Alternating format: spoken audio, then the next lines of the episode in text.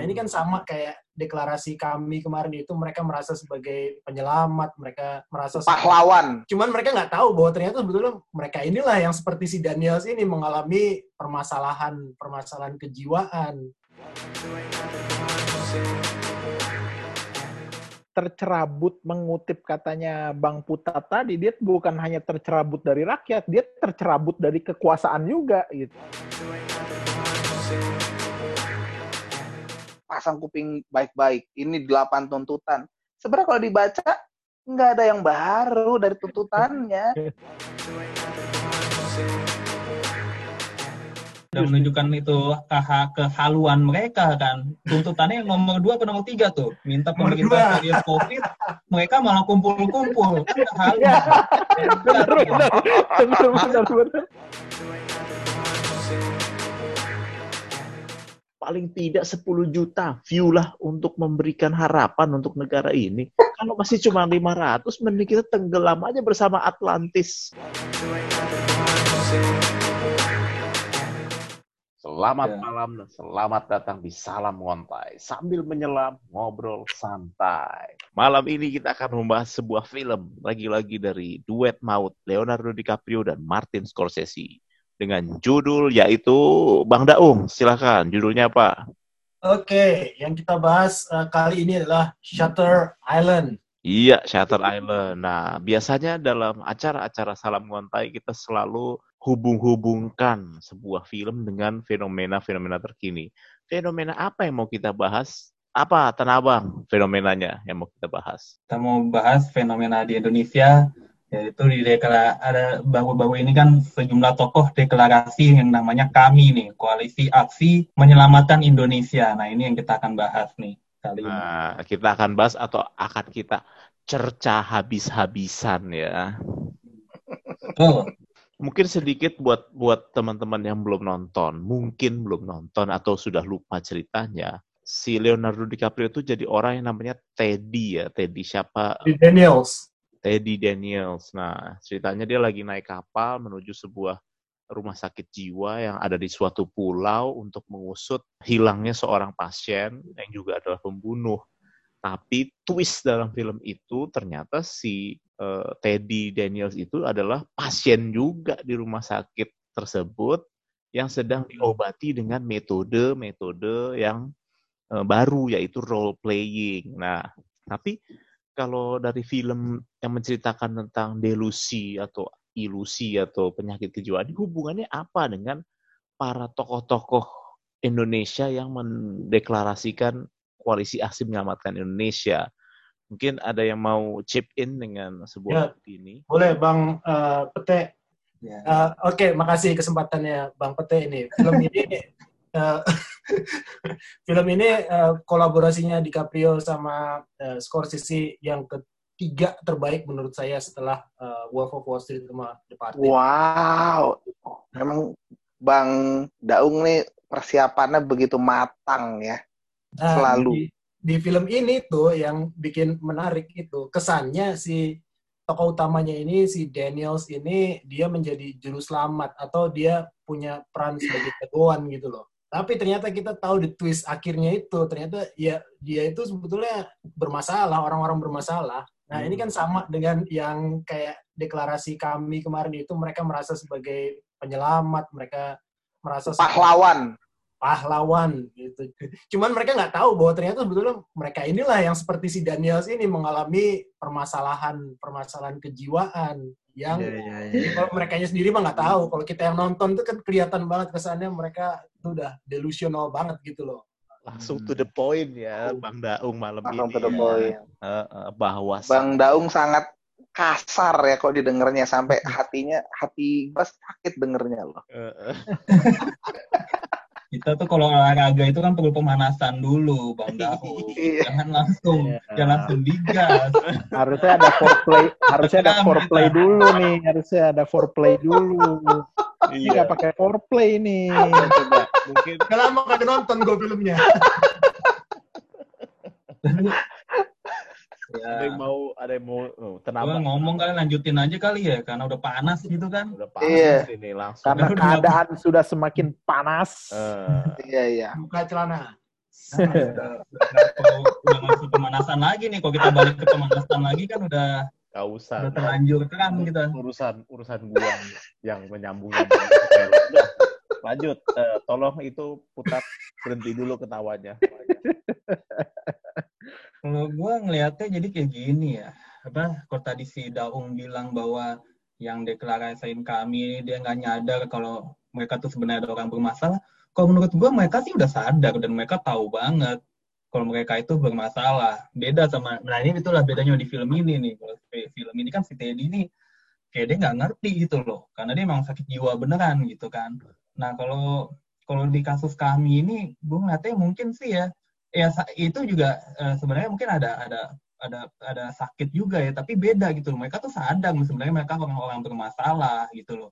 Cuman eh, mereka kan ya pertama nih nggak dapat bagian nih yang pertama makanya mereka bikin deklarasi kayak gini-gini gitu loh.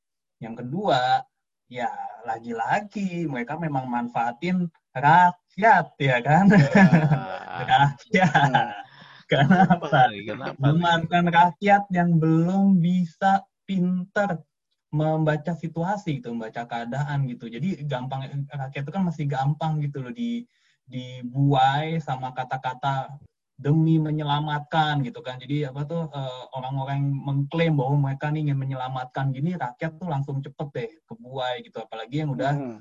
Udah benci sama rezim misalkan gitu sama pemerintah saat ini pasti langsung kemakan gitu. Padahal kan sekali lagi kita itu jangan pernah sekali-sekali cepat percaya sama orang-orang yang mengklaim bahwa dirinya adalah sebagai penyelamat karena biasanya orang-orang itu justru adalah orang yang bermasalah seperti Ah, itu. Gue boleh nggak berpendapat? Ya udah. Tapi mengenai mau- filmnya, kebetulan gue sendiri baru nonton film The Island, apa Shutter Island sih? Aduh. ya bukan bener bener bener. Aduh, Kebetulan- Bang Putat. Kebetulan Bang gue Putat. baru nonton Shutter Island baru hari ini gitu ya. Dan yang membedakan sama waktu gue nonton eh, apa eh, Parasite, kalau nonton Parasite gue berada di ujung tempat duduk kayak wah ada apa lagi nih gitu, on the edge gitu. Tapi kalau nonton ini gue malah di paling belakang karena gue ketakutan. Ini filmnya serem banget kalau menurut gue, depresi gitu. Emang ada ini ya, ada ada aroma-aroma ho- horor dan depresi ya, bener-bener kelam. ya, Iya, kelam. meni- meninggalkan jejak yang nggak enak gitu di eh, kepala. Ini cuma cerita sedikit sih, apa namanya mengenai film itu. Tapi tadi mau lanjutin yang Bang ah karena Bang eh, apa namanya sempat bahas mengenai eh, apa namanya dia memanfaatkan rakyat gitu kan. Jadi memang kalau kami ini kan sebenarnya kan elitis gitu karena dia kan menganggap dirinya elit. Makanya dia berani muncul. Yang dijual nama kan tokoh-tokohnya yang dijualkan A, B, C, D, E gitu kan. Padahal sebenarnya dia ya seperti halnya elit lainnya dia sebenarnya tercerabut kan dari rakyat yang dia wakilkan. Sebenarnya dia kan juga tidak mewakili siapa-siapa kan di situ. Dia mengatasnamakan berbicara atas nama rakyat. Padahal dia sebenarnya juga nggak ada kaitannya dengan siapa yang dia sedang bela gitu. Jadi memang ini sih eh, setuju tadi yang dibilang sama Bang Daung atau Bang Tanabang. Memang ini cuman ini aja dia karena ditinggalkan karena nggak dapat kue, lalu dia mau mencoba berisik lah. Kalau yang Hmm. gue lihat sih kayak begitu. tercerabut mengutip katanya Bang Putat tadi, dia bukan hanya tercerabut dari rakyat, dia tercerabut dari kekuasaan juga gitu. Jadi dia mereka-mereka ini memang aksi cari panggung sih sederhananya sih. Cuma mereka sekarang belum punya ap, satu tokoh yang memang akan secara frontal melawan Jokowi. Jadi ini sekarang dia membuat satu gerakan aja dulu lah, gerakan yang nggak tahu nih apakah gerakan ini dia maksudkan untuk nanti bisa menjadi gerakan Apa? akar rumput dan segala macam atau seperti apa gitu. Wah, wah, wah. Oke, oke, oke, oke. Kita kembali lagi ke filmnya ya. Gue merangkum apa yang tadi teman-teman udah bilang. Emang yang paling keras di dalam forum kita malam ini adalah Daung. Langsung ke Hmm. poin bilang itu orang-orang halu, orang-orang ilusional. Eh, ilusional, delusional. Kalau teman-teman yang lain nih agak soft nih sebenarnya nih. Emang masih bilang bahwa eh, rakyat atau misalnya orang cari panggung, orang cari kesempatan. Nah, pertanyaan gua, mereka tuh halu beneran atau enggak sih? Ya ini loh apa wacananya itu jelas halu gitu loh. Tapi ya mereka tahu mereka sendiri itu memang tidak ada kualitas juga dan adalah orang-orang bermasalah mereka tahu gitu loh. Cuman memang mereka membangkitkan apa sih mereka tuh ngejual ke rakyatnya tuh seolah-olah tuh mereka tuh halu gitu loh. Jadi kita nganggepnya nih orang yang orang yang mengerti ya pasti kan nganggepnya wah ini orang halu banget sih nggak ngaca apa gitu. Pasti langsung gitu komentar kita kan sama kali gitu loh. Cuman kan Jadi lagi, kalau lagi iya kalau rakyat kalau yang sudah rakyat sudah biasa halu, nih, memang Iya. akan jadi halu gitu. jadi halu. Setuju, setuju bang. Benar. Setuju bang, benar bang. Istilahnya kalau sudah halu, lama-lama juga halu. gitu. Halu. Cuman emang ya, kalau misalnya ya, coba deh lihat deh sama tuntutan-tuntutan tuntutan mereka kan mereka kalau baca beritanya kan pasang kuping baik-baik. Ini delapan tuntutan. Sebenarnya kalau dibaca nggak ada yang baru dari tuntutannya, nggak ada yang apa ya, nggak ada yang bikin seseorang tuh harus mendengarkan atau memasang kuping baik-baik. Ini cuma cerita-cerita lama doang, malah sebenarnya tergolong normatif gitu ya, Hmm. cuma normatif, hanya mengingatkan. Jadi sebenarnya memang kalau dibilang eh, apa tadi ingin menyelamatkan Indonesia, menyelamatkan seperti apa dengan hal normatif seperti itu gitu kan. Kalaupun mereka memang ingin serius menyelamatkan, kasih satu ide atau satu apa namanya, satu Gebrakan, masukan yang yang benar, eh, yang real, bukan Ya, cuman gitu-gitu doang. Karena memang kalau lihat dari delapan ini melanjutkan Bang Putat ya dari delapan poin itu kayak dari poin satu aja sudah sudah agak nggak jelas soalnya gitu kan pengelolaan negara yang tidak menyimpang dari jiwa semangat nilai pembukaan UD 45 yang bla bla bla bla itu Yeah. selalu diberlakukan kembali itu apa ya aduh sesuatu yang yang apa namanya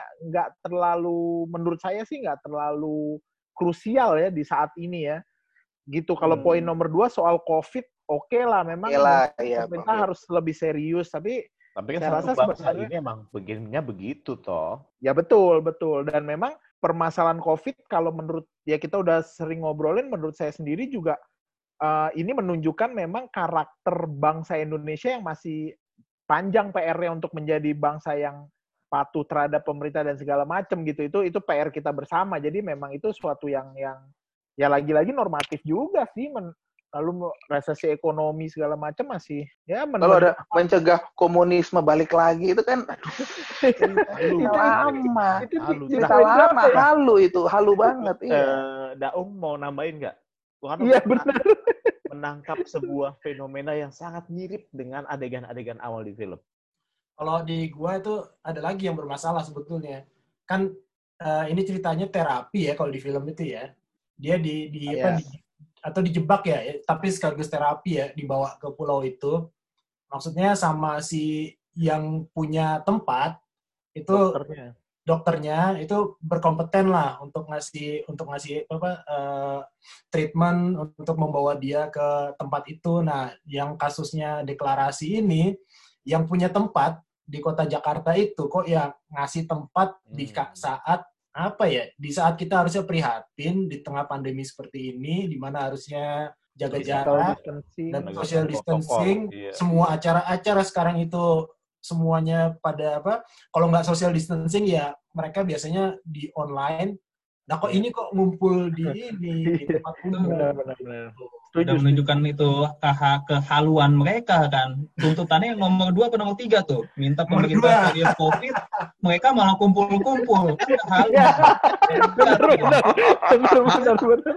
jadi Benar-benar ini, halu ini ya. bang bang eh, bang pete jadi halunya itu ya bukannya ngeledek gimana ya dari poinnya aja lah kita balikin ke poin-poin yang mereka tuntut ya mereka melanggar juga itu kan udah begitu dah Karena mereka tahu mereka akan mendeklarasikan itu ngumpul-ngumpul, makanya mereka tolong pemerintah atasi COVID. Covid ya supaya dia bisa ngumpul-ngumpul. Eh, mau ada outbreak juga. harus deklarasi gitu. Oke, Klaster baru ya. tapi gue tadi kan menangkap emosi emosi kita semua ya. Itu mirip banget dengan adegan-adegan awal film.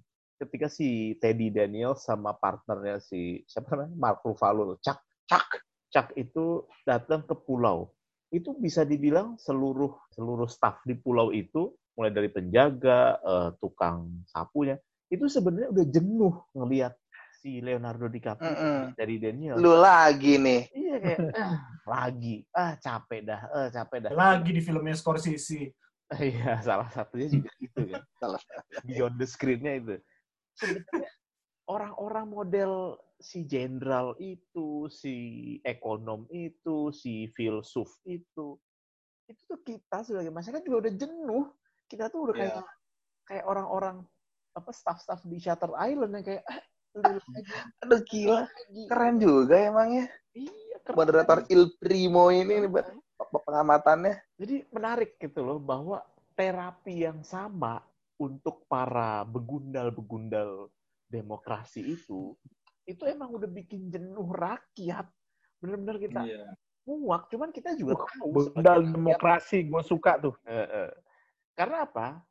Kita nggak bisa ngapain juga istilah itu. karena itu bagian dari demokrasi. Kalau kita paksa mereka untuk ditangkap, ya kita salah. Salah juga. dong. Kita Nanti salah kayak juga. kasus Jerings nanti. Nanti Betul, jadi betul. kayak kasus Jering gitu. Ada lagi yang mau ditambahin? Ngomong-ngomong ya, sebenarnya kalau nonton film ya di ujungnya, akhirnya kan si siapa namanya eh, Teddy-nya kan dibolongin kan, mau, Iya. mau dibolongin kepalanya. Tapi dia sebenarnya tahu lah ya bahwa dia akhirnya bahwa dia itu memang bukan Teddy, tapi kenyataan tuh begitu berat kali ya dia hadapin ya. Akhirnya udah deh gue lanjut aja deh, biar gue melupakan segalanya eh, gitu ya. Kan katanya kalau dibolongin kan dia lupa segalanya kan. Bener gak sih tuh? Apakah Iya. jangan-jangan yang dibutuhkan oleh para begundal-begundal demokrasi itu adalah sebuah Lobotomi. lobotomi ideologi? Gue bilang sih udah nggak ada obatnya lagi sih, udah nggak ada obatnya. Makanya berulang-ulang kali kan, berulang kali eh, gue pengen menekankan bahwa demokrasi itu kan selera, selera pasar kan. Jadi pasar ini yang menentukan kita Ya. mau mengarah ke mana. Makanya kenapa gue concern banget sama sama pendidikan politik ke rakyat gitu. Karena memang harus rakyatnya harus pintar kalau memang kita mau maju. Kalau nggak nggak bisa gitu loh.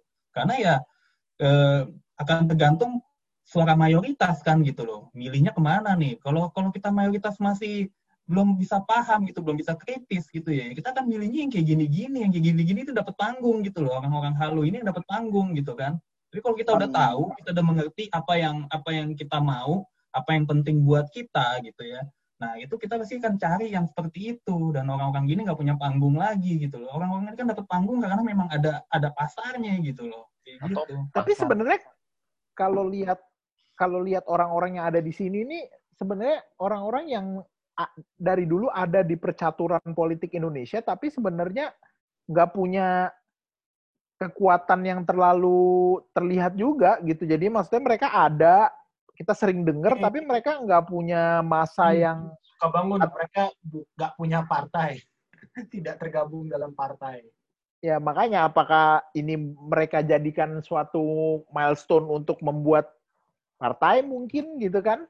Bisa. Nah, kalau kalau Nah. memang iya, kalau memang iya berarti kuncinya seperti yang Tenabang tadi bilang, kuncinya bagaimana pasarnya melihat ini gitu kan. Jadi ya kalau misalnya gue gue tarik lagi ke dalam film, kan tadi Iya, kita iya. bicara tentang betapa ada tokoh-tokoh di Indonesia ini yang lagi bikin gerakan, itu kita kita vonis lah halu, jelas halu. Karena apa? Tuntutannya itu normatif. Seluruh bangsa Indonesia juga mau apa yang mereka tuntut. Nggak usah bikin gerakan. Bener nggak? Iya. iya. Ini kan cuma aksi cari panggung, aksi Hmm. orang-orang halu. Ih, makanya eh, kondisi mereka mirip dengan di film ketika masyarakat pun oh, contohnya kita tuh udah jenuh lah dengan aksi-aksi mereka. Satu hal lagi eh, yang ternyata menarik ketika akhirnya Leonardo DiCaprio ambil eh, pilih jalan lobotomi untuk menghilangkan memorinya atau segala macam gue lupa. Jangan-jangan yang perlu di lobotomi itu bukan para tokoh-tokoh gerakan itu, tapi sebenarnya perlu di Hmm. lobotomi itu masyarakat Indonesia. Iya. ya Yang bisa. Kita tuh harus di reset otaknya. Karena kan Betul betul. di episode yang lalu kita udah ambil kesimpulan kan bahwa ini kembali kepada pilihan rakyat gitu loh, pada publik, publik yang pegang kendali sebenarnya. Cuman entah Hmm. kenapa publik itu tidak bisa mengendalikan nasibnya sendiri. kalau kalau gua sendiri sih ngeliat lobotomi ya terutama kayak karena case-nya kan nyambung di film itu karena memang itu kan khusus gitu kan dilakukan kepada eh, pasien kan atau eh, prisoner yang eh, ini kan yang gimana sih yang terlalu sulit dikontrol ya atau Hmm. Eh, sulit menerima eh, kenyataan kan. Jadi memang kalau memang siapa yang perlu di lobotomi itu menurut gua sih memang orang yang halu. Kalau case-nya eh, masyarakat itu harus dengan dibikin pinter. Itu mungkin dua dua hal yang eh, berbeda ya. Kalau yang satu kan di reset agar tidak eh, makin gila gitu. Kalau masyarakat kita sih sebenarnya bukan gila juga sih. Hanya agak blow on aja sehingga eh, solusinya dengan dibikin pinter kalau menurut. Jangan-jangan kita yang perlu dilobotomi juga. atau kita yang belum di lobotomi. kita ber kita berlima ini kita jangan perlu dilobotomi. Jangan-jangan kita halu. Iya. Jangan-jangan orang-orang di gerakan kami itu orang-orang baik semua gitu. Kita yang jadi- halu gitu kan. Kita di Iya iya iya iya. ya jadi kalau kita melihat dari perspektif yang lain gitu ya. Meskipun kalau kita hubungkan sama film tadi orang-orang udah bosen dengan role play-nya si si Leonardo. Tapi karena dia ada di rumah sakit jiwa memang yaitu sesuatu yang sebenarnya dalam tanda kutip lumrah terjadi di situ gitu kan. Itu memang mekanisme yang berjalan di sana. Sama dengan lah ya.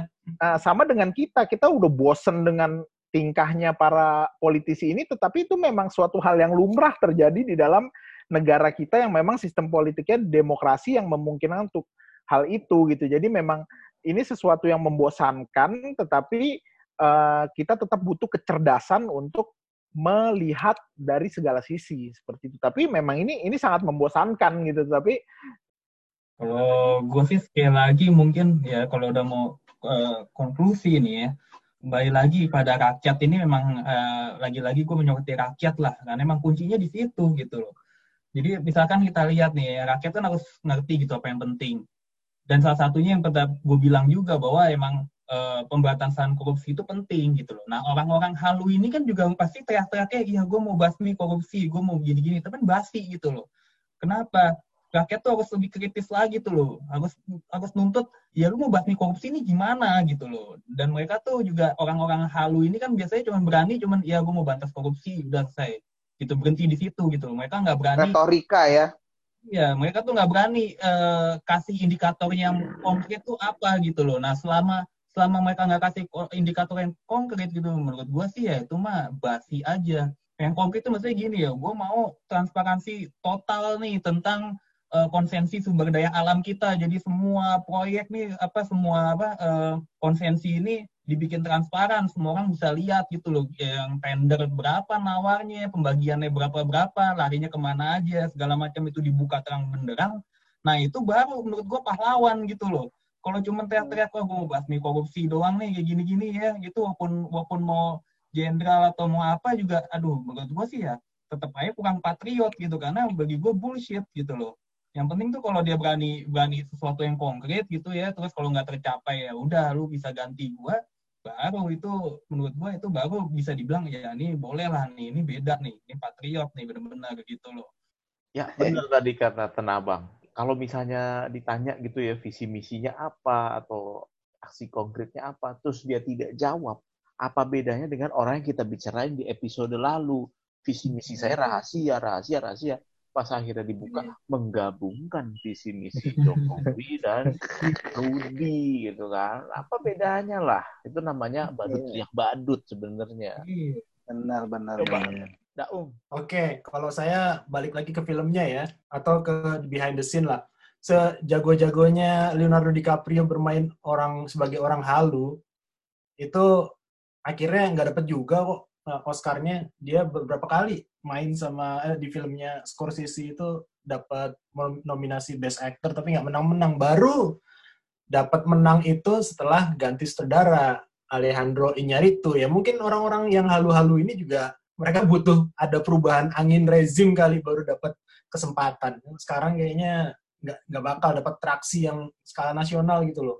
Ter- tetap terlihat sebagai orang-orang halu aja kalau buat gua mah. Halu, tapi ya sudah menjadi keseharian kita sebenarnya ya. Ya kita mau nggak mau ya harus harus apa ya? Ya harus inilah harus harus terbiasa ngelihat orang-orang kayak gini. Oke, putat. Udah udah udah ngantuk. Ya, ini menyimbolkan betapa lelah. Bukannya tadi udah eh, konklusi tadi? Belum ya? Lu belum. Udah nih gue tambahin deh. Kalau gue sih em, eh, melihatnya ya berkaca dari jas merah. Jangan sekali-sekali merupakan sejarah berdarah Enggak, Jas ada merah. bahwa yang kalau memang tujuannya ingin perubahan, ingin mencapai sesuatu yang lebih baik, eh, kayaknya hampir gak ada perubahan yang dimulai secara elitis gitu karena yang eh, apa namanya perubahan yang dimulai oleh sesuatu yang berada di atas yang terpisah dari apa namanya dengan realita yang sebenarnya gitu. Jadi masyarakat kalau melihat itu harus jeli ya selain dia harus pinter dan harus jeli juga nih sebenarnya yang bicara nih siapa dan apa yang dia sampaikan gitu ya. Kalau memang nggak menarik atau nggak ada yang jelas ya sebenarnya dianggap angin lalu aja. Jangan diberikan perhatian yang terlalu apa terlalu banyak lah terhadap orang-orang yang halu yang berusaha mencari panggung yang mau kembali lagi gitu. Apa yang terjadi kalau orang-orang halu ini dapat actually dapat traction di masyarakat? Menurut kalian apa yang akan terjadi? Apakah kita harus waspada atau seperti biasa aja gitu? Gini aja Bang Bang Pete, mereka ini kalau sampai dapat traction ya, mereka nggak akan memper, apa, memperbaiki kondisi yang ada sekarang. Bahkan ada kecenderungan mereka ya konservatif aja. Ya, tadi seperti dibilang Bang Tenabang, apa mereka bilangnya mau berantas korupsi, tapi ya setelah mereka masuk ya karena kita tahu mereka nggak ada visi apa pun untuk memberantasan korupsi ya mereka akhirnya gitu-gitu doang nggak ada perbaikan. Dan rata-rata memang di, uh, pemerintahan sih sebenarnya orang-orangnya, ya nggak sih? Hmm, Iya, betul. Said di Ada beberapa. Uh, Refli Iya. Harun. Hmm. Ya maksudnya bukan bukan organik mereka berkarir di pemerintahan Iya, gitu loh. bukan, bukan. mereka di direkrut aja masuk Rizal Ramli itu pernah jadi menteri loh. Iya, tapi kan bukan organik dari dalam sebagai orang pemerintah. Gatot kan kagak kan? Ya Iya. gatot aja sih paling. Nah, jadi emang sebenarnya ini orang-orang yang sudah pernah di dalam pemerintahan, tapi kenyataannya tidak mengubah apa pun gitu loh. Iya, iya, iya. Iya. Abang biasanya Oh, punya unek-unek kalau ngomongin bahayanya kalau orang-orang halu dapat traction. Ya jelas bahaya lah karena gimana ya? Yang pasti nggak akan ada perubahan apa-apa. Jadi apa yang apa yang mereka deklarasiin itu akhirnya pas kalau mereka dapat kedudukan atau apa pun itu juga akhirnya sama aja atau malah bisa lebih buruk gitu loh. Melihat eh, dari track record mereka, terus bagaimana mereka cari mencari dukungan dengan cara-cara eh, menyebarkan ketakutan lah di masyarakat, terus benar-benar memanfaatkan memanfaatkan kebodohan masyarakat lah gitulah. Contohnya satu juga gue lupa ya, satu juga pernah kan komentar tuh bahwa kok sekarang kita nggak boleh sih apa iya, gara-gara yang sar- apa tuh covid kemarin kok nggak boleh kita apa eh, ibadah di masjid sih ya Iya. komentar Mau, gitu kan gitu. dibuka. Iya, itu kan pengen banget memanfaatkan kebodohan kelompok suatu kelompok masyarakat gitu loh, bener-bener di, di, dimanfaatin banget gitu loh. Padahal kan eh, dia ngomong begitu berdasarkan apa gitu loh. Kalau dia udah punya dia punya eh, eh, emang udah punya data-data dari dari ahli medis gitu ya bahwa itu nggak apa-apa eh, beribadah di di tempat ibadah gitu ya dia boleh deh ngomong deh ini kenapa nih dilarang-larang gitu tapi ini kan nggak ada dasarnya sama sekali gitu loh bayangin aja kalau rakyatnya dengar gitu ya karena dia elit terus percaya terus kena eh, meninggal jadi korban gitu padahal tanggungannya masih banyak ya dia kan mencelakakan rakyat gitu aja kan Ya nanti yang disaranin pemerintah lagi sama dia. Kok jadi mirip Anji ya? Lama-lama apa Anji halu juga ya? itu udah fix lah. Apa yang kita ngomongin sebenarnya sama-sama aja dari kemarin ya. Empat Iya. episode sama semua sebenarnya bisa di- dijadiin 10 detik aja. Tapi ya, Makanya kenapa sama semua? Karena emang itu masalah utama di negara kita. Iya, Oh iya benar benar benar benar. Dapat panggung, orang-orang goblok beli tiket ya? ya. Itu. Wah gila benar benar benar. Ya, Jadi pete, menurut tuh kalau lu mau tahu orang Indonesia tuh udah pinter apa enggak dari yang nonton podcast ini. Iya. Kalau masih cuma 500 gitu-gitu udah deh hopeless deh gitu loh. Tapi kalau Hopeless, kita yang nonton benar. udah 10 juta, 50 juta gitu ya. Oh, yang nonton kita nih berarti memang Indonesia udah mengarah ke arah yang benar. Bener Gitu kan? loh. Sekarang siapa Bener, yang halu? Ya kita berlima ini harus dilobotokin. kita harus dilobotokin. Tapi tapi bener loh. Ini yang tadi yang tadi gue bilang. Jadi gue ada dua perasaan gue saat nonton film Shutter Island. Yang pertama tadi bahwa gue berada di apa punggung bangku dan kedua dari tengah film sampai akhir film gue jadi bertanya sendiri jangan-jangan yang gila gue ya bener loh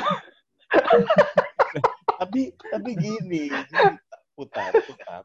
Kalau sampai lu mempertanyakan insanity lu atau sanity lu kewarasan bisa bisa bisa, bener-bener gila. Bukan bukan. Itu kan karena lu terpancing dengan actingnya Leonardo DiCaprio Iya. eh, plotnya iya. film itu kan. Nah iya. ketika kita berlima ini meragukan diri kita halu atau enggak itu karena kita terpancing dengan acting actingnya para elit elit halu itu Iya bener juga